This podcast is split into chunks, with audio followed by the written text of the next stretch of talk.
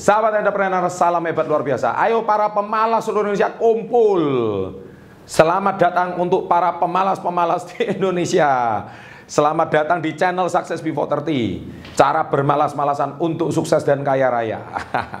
Lama-lama saya jadi ini ya, eh, bintang film iklannya jadinya. Oke, sekarang di video kali ini saya akan benar-benar membahas cara menjadi sukses dan kaya raya hanya dengan bermalas-malasan.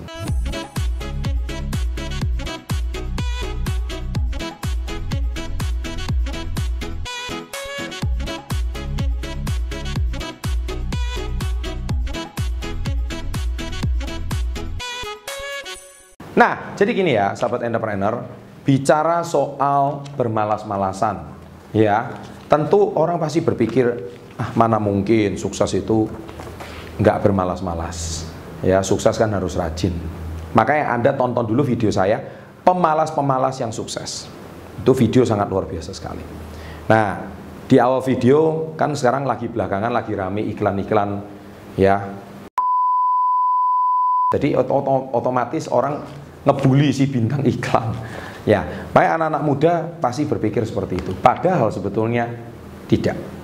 Apa maksudnya cara menjadi kaya dengan bermalas-malasan? Jadi gini, anak muda ini ada dua problem. Satu, malas gerak dan malas berpikir. Ada dua, dua problem ini. Kalau Anda malas gerak, biasanya Anda cenderung di rumah, pasif, introvert, di depan komputer, di depan handphone, Anda sedang memikirkan sesuatu.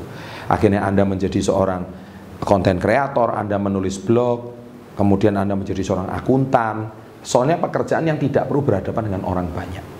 Nah, tapi justru orang yang malas gerak tersebut, tapi dia mempunyai kecerdasan dalam berpikir, dia mempunyai kelebihan dalam berpikir, akhirnya dia menjadi editor, dia menjadi youtuber, dia menjadi konten kreator, dia menulis blog, dia membuat tulisan, dia mengedit video. Akhirnya mereka itu banyak loh yang bisa berhasil. Akhirnya sekarang menjadi atletnya profesional EA, uh, e-sport dan sebagainya. Itu benar-benar luar biasa.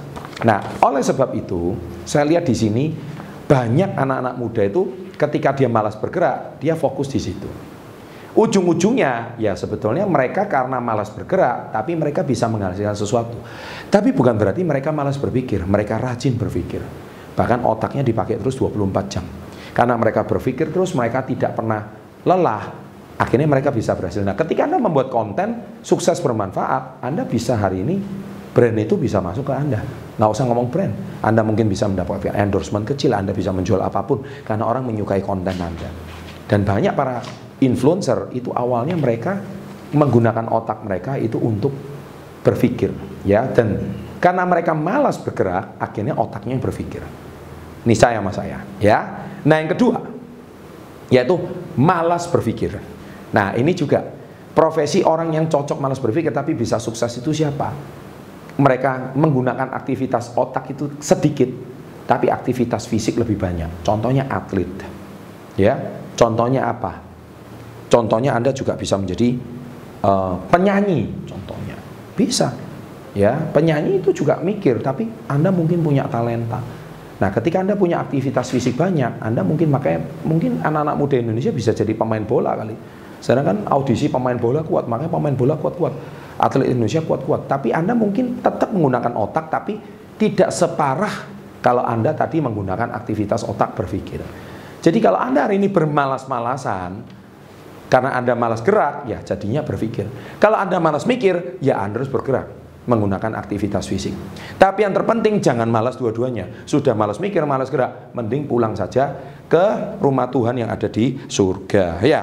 Jadi percaya sama saya, kalau hari ini Anda sudah pasti ingin sukses, please pilih salah satu. Anda malas pikir atau malas gerak. Kalau malas pikir, bergeraklah. Kalau malas gerak, berpikirlah. Ya. Terima kasih. Konten saya kali ini sederhana tapi bisa membuat Anda mendapatkan pencerahan. Terima kasih dan salam hebat luar biasa.